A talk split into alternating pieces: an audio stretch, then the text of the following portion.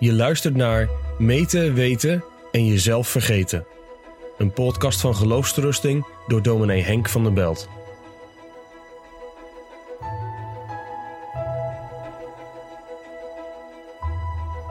Als het geheim van de geloofszekerheid echt in God ligt, in Zijn eeuwige liefde, in Zijn verkiezende liefde, hoe weet je dan zeker dat je in die uitverkiezing mag delen? Hoe weet je dan zeker wat Johannes schrijft? Wij hebben Hem lief omdat Hij ons eerst heeft lief gehad. Dan moet je toch ook iets weten over je eigen liefde voor de Heer. Dan moet je toch ook eerlijk je eigen geloof analyseren en onderzoeken. Inderdaad, zelfonderzoek, of liever nog zelfbeproeving, is belangrijk. Het was het eerste deel van mijn boekje over de geloofszekerheid. Meten, weten en jezelf vergeten.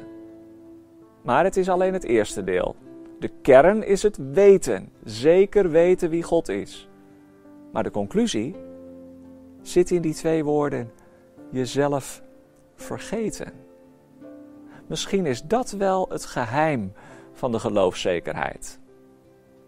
Aanvankelijk wilde ik een andere titel, namelijk naar aanleiding van het boekje over de geloofsgroei. Bloeien, snoeien en groeien. Ook drie woorden over de geloofszekerheid: meten, weten en vergeten. De uitgever was het er niet mee eens. Die zei: Ja, dat is te negatief. Wat bedoel je daarmee? Weten, je vergeten. Uh, liever een wat kleurloze titel: De geloofszekerheid. Ik vond dat niet zo geweldig. Ik vond het juist heel creatief om met drie woorden te spreken. Nou, het compromis wat eruit gekomen is, dat begrijp je al. Dat is de uitleg van het laatste woord. Meten, weten en niet zomaar alles weer vergeten, maar jezelf verliezen. Jezelf vergeten. Dat is denk ik het geheim van de geloofszekerheid. Dat je zo vol bent van het voorwerp van het geloof, van de Heer Jezus, dat je jezelf verliest aan Hem. Dat je jezelf kwijtraakt. Dat je jezelf overgeeft aan Hem.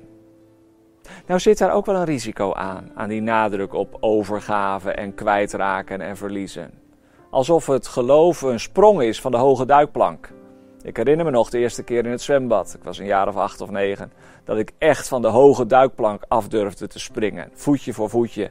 En je gaat niet terug omdat er een hele rij achter je staat te wachten, dus je kunt helemaal niet terug. Nou ja, dan spring je maar op goed geluk en het loopt gelukkig ook goed af. Maar zo is het geloven natuurlijk niet. Het is niet een sprong in het diep, het is geen overgave in een soort blind vertrouwen. Nee, kennen en vertrouwen horen bij elkaar. Maar als je Hem leert kennen, die je ziel lief heeft, de Heer Jezus Christus, dan leer je ook dat het niet om jou gaat, niet om jou draait, maar om Hem. Dan is Hij alles voor je. Het is dus geen blind geloof, waag de sprong maar en zie je wel wat, wat terecht komt. Nee, het is de overgave aan Hem die je hebt leren kennen vanuit zijn woord. En die overgave wordt gewerkt door de Heilige Geest. Het is de relatie, de verborgen verbinding tussen de Heer Jezus en het hart van de gelovige. Hoe kun je dat dan weten dat het echt is? Nou, dat voel je. Is dat dan je bevinding, dat je het voelt, dat het zo echt voelt van binnen? Nee, niet wat je over jezelf voelt, maar dat je je aangetrokken voelt door de aantrekkelijkheid van de Heer Jezus. Door de aantrekkingskracht van de Verlosser die jou als verloren zondaar onweerstaanbaar naar zich toe trekt. Daarom heb ik ook gekozen voor die illustratie op de voorkant van het boekje. Iemand mopperde al, het is wel een beetje frivol. Beetje luchtig. Nou, laat het zo zijn. Het is een vlieger. En als jongen in de Katwijkse duinen hield ik ervan om te vliegeren. Prachtig. Hoe hoger de vlieger ging, des te kleiner die werd. En in de harde wind voelde je hem trekken. totdat het touw helemaal afgerold was en de vlieger tegen de wolken aangeplakt zat. Hoe weet je dat die verbinding er is? Ook al zie je het touw niet, je ziet de vliegeraars niet meer, laat staan het vliegertouw. Je voelt hem trekken. Je voelt de verbinding. Niet door wat je voelt in je hart, maar door te focussen op de Heer Jezus Christus. Die verbinding werkt de Heilige Geest. Door het Woord. Door het Evangelie. Door dat Evangelie wordt mijn hart geraakt en geopend voor de zaligmaker.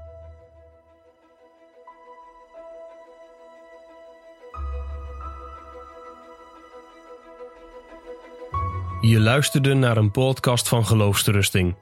Wil je meer luisteren, lezen of bekijken? Steun dan onze missie en ga naar de website geloofsterusting.nl.